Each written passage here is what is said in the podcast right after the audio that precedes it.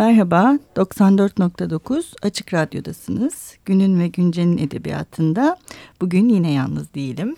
Ee, ve bugün e, yalnızlığımın ortağı Karin Karakaşlı.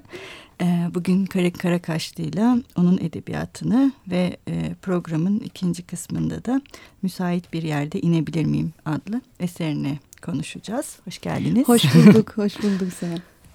Ee, Karin Karakaşlı 1972'de İstanbul'da doğdu. Boğaziçi Üniversitesi Yabancı Diller Yüksekokulu Mütercim Tercümanlık bölümünden mezun oldu. Anita Bruckner'ın Özel Bir Görüş ve Peter Esterhazy'nin Hrab Hrabal'ın Kitabı romanlarını Türkçe'ye çevirdi. Çocuk romanı Ay Deniz'de buluşunca bu yayın evi çocuk romanı yarışmasında mansiyon alarak 1997'de aynı yayın evi tarafından yayınlandı. Karin Karakaşlı 1998'de Öykü Dalı'nda Varlık Dergisi'nin Yaşar Nabi Nayır Gençlik Ödülünü kazandı. İlk öykü kitabı Başka Dillerin Şarkısı 1999'da Varlık Yayınları'ndan çıktı. 2002'de ee, Can Kırıkları adlı öykü kitabı yayınlandı. 2008'de programın ikinci kısmında bahsedeceğimiz Müsait Bir Yerde İnebilir Miyim? Ve e, Ağustos'taki yazılarından derlenen e, Cumba adlı kitapları yayınlandı. En son yayınlanan e, hikaye kitabı geçtiğimiz yani bu yıl e, can yayınlarından çıkan Yetersiz Baki adlı hikaye kitabı.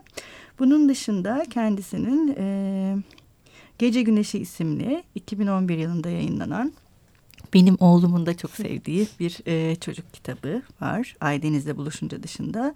Ve en son e, 2014 yılında Dört Kozalak adlı bir gençlik kitabı var. Bir de Aras Yayınları tarafından yayınlanan Benim Gönlüm Gümüş ve Her Kimsen Sana isimli iki adet şiir kitabı var. Ee, gördüğünüz gibi oldukça üretken edebiyatın neredeyse her dalında ürün vermiş bir yazarla bir aradayız bugün. Ee, şimdi ben bu söyleşiye nereden başlayabiliriz diye çok düşündüm. Ve e, biraz senin yaptığın söyleşilere baktım. Ve bir e, söylediğin şey benim çok dikkatimi çekti. Ve oradan başlamak iyi olur gibi geldi. Yani şöyle diyorsun bir söyleşinde. Aşık olduğum insana ya da araba kazasında benzeyen kitaplara yöneldim. Çarpsın istedim, çarpılayım istedim. Şimdi senin kitaplarının da gerçekten böyle bir şeyi var insanı okuduğun zaman çarpan ve insanda gerçekten e, yoğun bir e, düşünce seninle sebep olan bir hali var bu kitapların. Neden bunlar böyle? Biraz oradan başlasak ya da en azından benim için böyle bir okur olarak. Ben edebiyatın hep o rahatsız edici yanına çok kıymet verdim. Hiçbir zaman e, şöyle hani kahvemi alayım, kıvrılayım, keyifle okuyayım e, diye baktığım kitap olmadı. Elbet öyle kitaplar oldu. Çizgi romanlar tatlı işte fantastik edebiyat macera romanları. Ama o arka planda müzik dinlemek gibi bir şeydi mesela. Müziğe de yaklaşımım o. Ee, asansördeki müzik ya da işte bir e, restoranda arkada çalan müzik gibi fon olan herhangi bir şeyi e, biraz e, edebiyatında sanatında gücüne haksızlık sayıyorum gerçekten de çok çarpabilen yanı var edebiyatın ben kendim böyle kitaplardan etkilendiğim için e, muhtemelen öyle demişimdir. Biraz fazla havalı durmuş. Genelde Yok, cümlelerim güzel. benden daha havalı duruyor. e, ben üniversite yıllarımda şey hatırlıyorum. Jean Rice'ın e, Pınar Kür çevirmişti Günaydın Gece Yarısı hmm. kitabını. E, dışarıda okumak gafletinde bulundum ve hani büyüre büyüre ağladığımı biliyorum. Hmm. E, tam anlamıyla gafil avlandım kitaba hem bırakamadım hem rezil oldum. E, odur yani aslında hani böyle araba kazası gibi dediğim şey. Sonra da hatta Tante Roza'nın Sevgi Soysal'ın Tante Roza'sıyla karşılaştırmak istedim. O kadar etkilendim. Hı. Yıllar sonra geri döndüm. Oradaki e, kadın karakterinden, kadınlığa dair her iki birbirinden tamamen zıt iki karakterin söylediklerinden. E, benim için yaşayan bir kadın her ikisi de. Yani hayatımda şöyle dönsem ikisini de görebileceğim e, kitaplar bu canlılıkta. E, ben de öyle olsun istiyorum. Tabii bu benim isteğim. E, gerisi okura kalıyor. Yani hiç beğenmeyen de olacaktır. Gerçekten ama hani beğenip bağrına bastığında o şekilde çarpılsın ve kitabı okumadan önce yap, yapmayacağı bir şeyi kitaptan sonra yapsın. Hı hı. E, ya da hani tam tersi yapacağı bir şeyi yapmasın. E, kitabı okuduğu için hayatının akışında değişiklik olsun evet. istiyorum. Çünkü hani oluyor zaten okur adın bir okur olarak benim adıma oluyor. Öyle evet. e, haşin emellerim var. Bu kadar. Yok bunlar haşin değil. E, şimdi biraz bu noktada şeyden de bahsedebiliriz diye düşündüm. Yine bu bir söyleşinde sen sözcüklerin yaralı olmasından bahsediyorsun ama e, bu sözcüklerdeki yaralılık hali ee, senin e, eserlerin üzerine yazılan şeyleri ben şöyle bir hepsini gözden geçirdim. Ben de katılıyorum buna. Bu yaralılık haline rağmen bir şifa durumu da var. Yani senin edebiyatın e, bütün o yaralılığın içinden bir umut çıkarıyor. Yani bu da çok önemli bir şey bence. Ee, ben onu çok önemsiyorum zaten. Edebiyatım karanlık değildir. Hı hı. Ee, en e, karada kalanları anlatır. Ee, en hüzünlü yerlere, en acılı, ne bileyim e, en pis, e, hı hı. en bakılmayan yerlere bakar. E, ama e, onlara rağmen ve tam da onların içinden geldiği için hani o benim damıtılmış umut dediğim şeyi hı. barındırır. Ben onu çok önemsiyorum. Başka tür çünkü hani bırakın edebiyatı yaşamamız mümkün değil zaten. Hı hı. O da insanın gücü ve gerçekten şifa versin istiyorum. Evet, evet veriyor. Ben yani e, e, yani burada çok bilmişlikten çok bir okur olarak yani gerçekten veriyor. Bir de e, bu hani sözcüklerin yaralı olma durumu kahramanlara da tabii geçen bir şey. Seçtiğin kahramanlar da e, işte çocuklar, yaşlılar, kadınlar yani bizim daha çok toplumda pek e, üzerinde durmadığımız ya da üzerinde durduğumuzu zannettiğimiz ve şöyle bir bakıp geçtiğimiz kahramanlara daha yakından ve daha böyle can alıcı bir şekilde bakar bir hali var senin edebiyatının. Bunun da ben çok etkileyici olduğunu düşünüyorum. Yani görmediğimiz birçok şeyi görmemizi sağlıyor ama bunu yaparken de gözümüzün içine sokmuyor bunu. Hani biz bunu fark ediyoruz ve fark ettiğimiz andan itibaren zaten başka biri olmamız gerekiyor. Ee, çok fazla sesi çıkmayan, sesini çok fazla kendi içinde biriktirmek zorunda kalmış e, ya da bizim kulak vermeye tenezzül etmediğimiz kimi zaman ve çok şey kaybettiğimiz insanlar beni daha çok etkiliyor. Bahsi geçen tüm bu gruplar yani çocuklar ve e, yaşlılar e, benim en büyük öğretmenlerim. Ee, onlarla vakit geçirmekten hem çok çok büyük zevk alıyorum hem de gerçekten çok şey öğreniyorum. Yani yaş hiyerarşisi ters yüz olduğunda e, hepimiz e, bir aynılıkta bir saygıyla e, buluşabiliyoruz. Yaşlılardaki o hayat birikimine hürmet gösterildiği anda onların nasıl kendilerini açabildiklerini biliyorum. Çocuklara da e, öyle bir e, küçük bıdı bıdı e, olarak değil gerçekten insanlar ve büyüyorlar diye bakıldığında onların da e, dürüstçe ağızlarından çıkanlara ve ya, ya da yapabileceklerine hayret ediyorum. Kadın zaten keza benim en büyük meselem ve e, bu şekilde e, daha da karakterleri çeşitlendirerek devam etmek istiyorum. Yok e, bir de şey e, yine bu daha önce de yazıldı bir kibritçi kız bizim Hı -hı. senin eserlerinde karşılaştığımız e, bu kibritçi kız e, yani metafor belki ona demek daha doğru bu kibritçi kız metaforu neden e, bir Andersen e, kurbanı olduğum için e, çocukken benim zamanımda işte bu 70'li yıllar e, Pollyanna çok meşhurdu. Hmm. E, bir iyimserlik e, hikayesi diye. Ben de e, altın kitaplar üstünde mis gibi bir kap e, Pollyanna'yı aldım elime. E, okuyorum okuyorum hüngür hüngür ağlıyorum. Bir iki en sonunda annemler müdahale etti yani hani bu Pollyanna'ya niye ağlıyor diye. E, şeyi bir aldılar çıkardılar. İşte içi Andersen'den masallarmış, kaplar karışmış. Dolayısıyla benim hayat hikayem orada belirlenmiş oldu. Hani Grimms'le başlayanlar gerçekten başka bir çocukluk yaşamıştır. Andersen olmamalıydı hele böyle.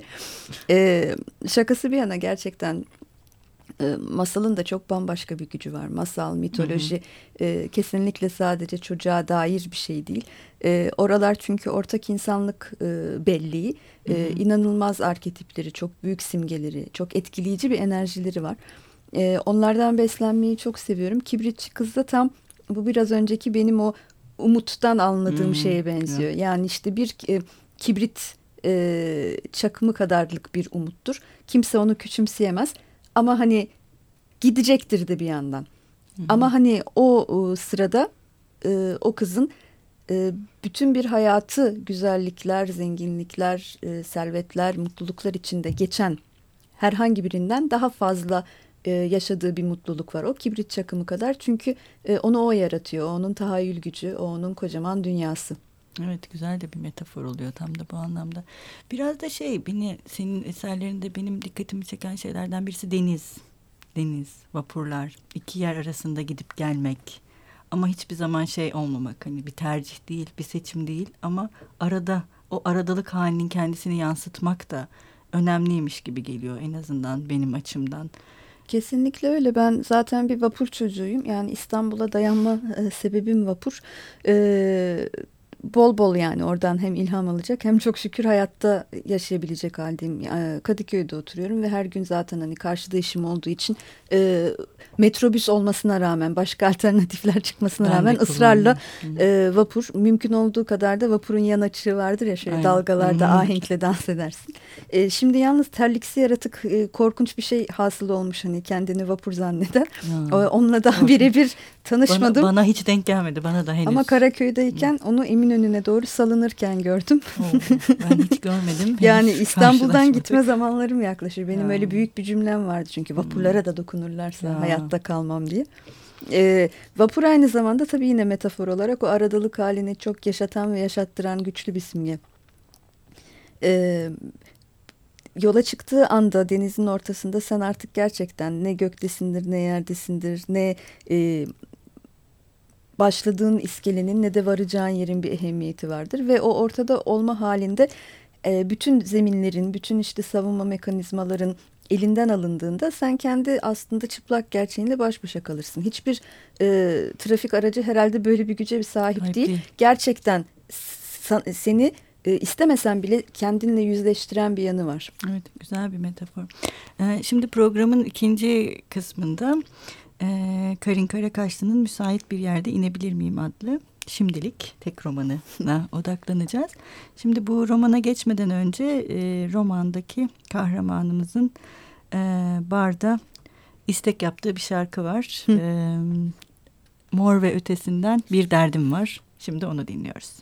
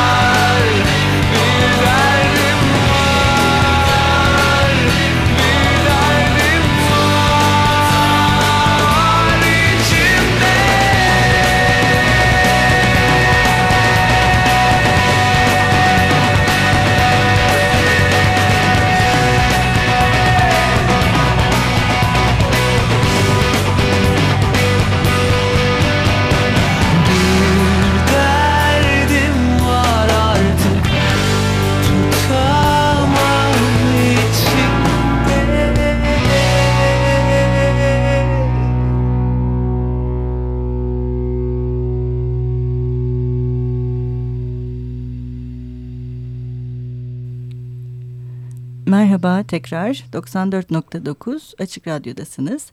Günün ve Güncel'in edebiyatında bugün Karin Karakaşlı ile Müsait Bir Yerde inebilir miyim romanını konuşacağız. Roman programın bu ikinci bölümünde. Ee, şimdi bu roman e, oldukça ilginç kurgu açısından da. Çünkü biz işte burada bir kadının günlüğüyle başlıyoruz. Yaklaşık bir haftalık bir süreç anlatılıyor bize. Ve e, bu günlükten sonra da e, kaptanın, e, gemideki yolcuların, hastanedeki kadının, e, kadının tanıştığı Yunus'un, e, onun bıraktığı eşyaları alan mukaddesin farklı e, yani aynı anlatıya birçok anlatıcı e, dahil oluyor. Yani çok sesli bir ortam var bu anlatıda. Yani nasıl bu kurgu nereden ortaya çıktı bir onu sormak istiyorum öncelikle. En başta tabii e, çok ağırlıklı olarak kadının e, sesi vardı. Hı hı. E, onunla başladı. E, ama bahsi geçen kadın aynı zamanda işte kendisi dışında e, herkese faydası olup ya da tam tersi hı hı. herkese faydası olup kendine hiçbir faydası hı hı. olmayan bir tip olduğu için e, mutlaka e, merkezde olup e, adeta ahtapotun kolları gibi değeceği bir insanlar olması kaçınılmazdı. Yani tipi öyle. Hı hı. E, hal böyle olunca da e, kimlere değer en yakında? E, özellikle hani o bir haftalık e, kesitte e, yabancı diye adlandırılan aslında hiç tanımadığı kimisi ya da e, tanışıp da do, hayatının içinde ilişkisi olmayan insanlara en yakın e, hale gelecekti. Çünkü ben bu e, tanış yabancılarla ya da işte en yakınımızda olup bir gün tanıyamaz hale geldiğimiz insanlarla o yakınlık uzaklık e, e, kavramıyla derdi olan bir insanım. Dolayısıyla onları anlatmama imkan veriyordu ve e, anlatının alanını genişletiyordu. Kadının sesi ve kadının varlığı bir hayli ağır. E, hayatın içinde diğer e, seslerin devreye girmesiyle orası bir hiç değilse biraz seriliyor. Bir nefeslik pay oluyor. Bir de nasıl e, yaşanıldığı ve algılandığı, herkeste e, aynı şeyin nasıl farklı izler bıraktığı gibi bir e, durumu canlandırmama da e, imkan tanıyor. Dolayısıyla e, kadının hali bunu getirdi. Yani baştan böyle bir kurgu olur diye düşünmedim. E, kadın ortaya çıktığı anda e, kadının hayatı beni böyle ilerlemeye yöneltti. Bu biraz başka dillerin şarkısında da başlamış bir şeydi aslında. Tabii farklı sesler yani ben Hı. sesleri önemsiyorum ve ses vermelerini e, önemsiyorum. Genelde e, üçüncü e, kişi anlatıcılarım daha azdır. Hı e, ya da öyleyse bile e, yine orada da ses vardır. E, o benlerden çıkan sesleri ya da çıkamayanları her neyse e, o şekilde aktarmak bana e, hem daha ilginç hem daha zengin geliyor. Sanki dinliyormuşuz gibi. Hmm, e, evet. Çünkü aslında yani e, derdim sesle her ne kadar sözle bir şeyler yapıyorsam Ses, söz, şiir, şarkı. Evet, Zaten evet. bu romanda şey de var. hem birinci tekil şahıs hem de üçüncü tekil şahıs ağzından. Hani hem kadının sesini duyuyoruz hem de onu anlatan bir anlatıcının sesini duyuyoruz. Bir de hem başka şairlerden hem de senin yazdığın şiirlerden. Evet biraz fazla deneysel dediğim gibi ve fazla bu yani çok parçalı. O dönem ben henüz daha şiir kitabı çıkarmamıştım. Hmm. Şairleri olan tabii aşkım en baştan olduğu gibi yine devam ediyordu. Mevsim kış ben bol bol şiir okuyordum. Yani hiçbir şey yapamaz hale geldiğimde bile şiir beni terk etmez. E, derken e, hani bu karakterin aslında ihanet ettiği bir anlamda daha ucuzuna kaçıp hayatın işte e, reklam metin yazarlığını tercih edip e, şiire ihanet ettiği bir süreçte ona şiir yazdırmaya başladım. Dolayısıyla aslında buradaki şiirler benim ilk şiirlerim. Çok Başka güzel. bir kitaba da almadım. Hı hı. E, ve bir yandan da tabii şiir okuyordu ve o şiirler aracılığıyla zaten bahsi geçen bütün diğer sesler de bağlandı. Her bir şiiri böyle işte e, falımdaki maniler gibi bir yerlere bırakıyordu. Onun bıraktığı şiirler üzerinden Hı hı. E, bağlanıyordu. Sonuçta da şöyle bir şey ortaya çıktı. İçinde bol şiir barındıran, her biri ayrı olarak öykü diye okunabilecek, yan yana geldiğinde de roman olan bir garip eser. Yok bir garip eser değil. Yani ben yani gerçekten çok ilginç buldum ve sonrasında bunu deneyen birkaç yazar daha oldu. O anlamda hani onlara ilham vermiş olmak da önemli diye düşünüyorum ben. E, ve şiirler de şey gibi hani ses demiştin ya sesler hı hı. gerçekten kitabı okurken biz böyle sürekli bir sürü ses duyuyoruz ve o sesler sözlere karışıp gerçekten herhalde senin de yapmak istediğin şarkılar. Zaten şey diyordu şarkılar anlatır sustuklarımızı. Kitapta Gerçekten da öyle, bir öyle. şey vardı. yani e, o yüzden de diyelim hani bir e, meyhaneye gidildiğinde arkada çalan şarkıya herkes susar. Aslında o zamana kadar sen olması gerekeni söylememişindir, bir türlü söyleyememişindir. İçki de diyelim hani o zamana kadar işe yaramamıştır henüz. O, o şarkı patlar ondan sonra sen aslında e, dile gelirsin. Önce şarkı söyler. Bir de şey gibi geliyor bana özellikle bu son dönem kadın yazarların e, edebiyatlarına baktığımızda kadınların biçimle daha çok oynadıklarını, bu biçimin imkanlarını zorlamak konusunda çok daha cesur davrandıklarını görüyorum Çünkü ben. Çünkü birebir kadının adam... sesini e, veren e, kadının diyelim ya da e, bir diyelim eşcinselin sesini, e, bir e, mültecinin sesini, e, işte bir e, sokakta yaşayanın sesini. Hı. Her neyse hani Hı -hı. E, keza işte bilmem ne plazada çalışanın da sesini. Evet. Bunları e, vermek için e, aynı biçimi kullanmak imkansız. Hı hı. E, her biri zaten bir yerde hani bende en azından öyle oluyor. Hı hı. Biçimini kendi getiriyor. Anlatmayı tercih ettiğin, sesi vermeyi tercih ettiğin kişi e, sana o yeni biçimi dayatıyor. Yoksa ben hani kurgu arayışında bu şimdi de artık başka hı hı. bir şey yapayım gibi düşünmüyorum. Ya da hani matematiksel kuramıyorum. Belki öyle yapan da vardır. İlk başta Hı -hı. ben biçimi bilemiyorum. Hı -hı. İlerlerken ortaya çıkıyor. Hı -hı. Ve genelde de e, ses onu buldurduğu için bana evet, ses. E, doğru oluyor. Yani ben Hı -hı. başka tür anlatmayı becerememiş oluyorum zaten. Hı -hı. Hani öyle anlatılası Oldukça geliyor. Oldukça iyi bir anlatı yani o konuda e, bence şüphesiz. Bir de metnin kendisinin de çok şiirsel bir dili var. Yani buradaki kadın kahramanımız oldukça şiirsel. Zaten e, senin de programın ilk başında dediğin gibi kendisine değil ama neredeyse kendisinden başka herkese şifa veren bir melek Hani sonunda zaten kitabı okurken hep aklımıza bir melek geliyor ama bir de bir bebek. Ben onu da çok mesela dikkatimi çekti. Bir anlatı boyunca bir bebeklik, bebek olma hali. Hı hı. Sanki bu yani neden böyle bir şey e, meleklik ve bebekliği birleştiren bir şey mi var gibi? E, tabii benim için çünkü her bebek bildiğiniz bir bebe, melek. melek. E, gerçekten inanıyorum onların hani şöyle bir e, şeyini e, boyunlarını koklarsanız hmm. işte böyle bir gül kokusu vardır. E, yani dokuları işte yine gülün yaprağı hmm. gibidir. E, çok bilgi olarak doğduklarını, her şeyi bilerek hmm. doğduklarına inanıyorum ve e, yani bebeği tuttuğunda sen temizlenirsin, onun enerjisini hmm. emersin. Hepimizin yaptığı hmm. bu. O yüzden böyle bebeklerle oynamayı seviyoruz. Hmm. Çok şirinler diye değil. Evet. Onların enerjisiyle temizlenmeye ihtiyaç duyduğumuzdan. Evet e, meleklere de inanıyorum. Bebek aynı zamanda muziptir. Meleğin de enerjisi. Muzip bir enerjidir. E, bunlar da olmasa çünkü zaten hayatın içinde devam etmek bir hayli imkansız olacak Doğru. benim için. İnsan ihtiyaç duyduğu şeyleri yazıyormuş ondan sebep. Doğru. E, şimdi biz programı e, bitirirken son sözü yazarımıza veriyoruz ve yazarımızın bizim için bahsettiğimiz kitaptan okuduğu bir e, sayfayla bitiriyoruz programımızı. E, bugün sen de bize müsait bir yerde inebilir biyimden bir parça okuyarak e, bitirirsen çok seviniriz. Ben genelde kendi kitaplarıma hiçbir daha dönüp bakamıyorum. Öyle bir e, korkunç huyum da var. O yüzden e, bu sabah e, program vesilesiyle ilk kez elime aldım. e, bu kadının sesinden seçtiğim bölüm. E, o zaman e, hoşçakalın. Görüşmek üzere. En çok göğe bakmayı seviyorum. Göğü denizden bile daha çok seviyorum. Hare hare parıldıyor bulutlar. Işık çiseliyor. Sonra da yağmur başlıyor. Üstelik saçaklarda kuşlar var. Alçaktan uçan uçaklarda. Ben varım. Bir de o. Tenin hükmündeyiz daha. Birbirimize bakamayacak denli yakınız. Birin ta kendisi. Durmuyoruz hiç o zamanlar. Gün bir başka akışta, bir başka kıvamda. Duyuların tülünü kaldırıyor her bir sevişmemiz. Bizimkisi yaşam dansı dip dibi, yaşam dalışı endirine. Yaşam uçuşu, göğe, melekleri. Dilim pası, gözüm pusu siliniyor her seferinde. Sanki başka bir kadına bakar gibi izliyorum aynadaki o aksi. Gözüme yıldızlar inmiş gündüz vakti. Bir de tatlı pembe olmuş yanaklarım. O sıkıntının al basmalarından farklı. Gonca gül pembesi. Sanki herkes fark ediyor bendeki hali. Ben söylemedikçe daha bir belli oluyor. Öyle şifalı yaşıyorum işte teninim. Hem öpüştükçe lezzeti artıyor her şeyin. içilen çayın, kemirilen simidin.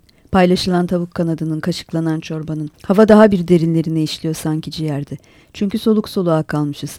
Yine de durmuyoruz hiç o zamanlar. Birbirimizin umudu olmuşuz. O kadar ki yeniden bir şeyler yazmaya başlamışım. İçimden taşmış hayat. Paylaşmak istemişim, kitap yazmak istemişim, çocuk doğurmak istemişim. Şimdi göğe bakınca her şeyi olduğu haliyle görüyorum. Üç beş bulut, biraz güneş. Hepsi bu.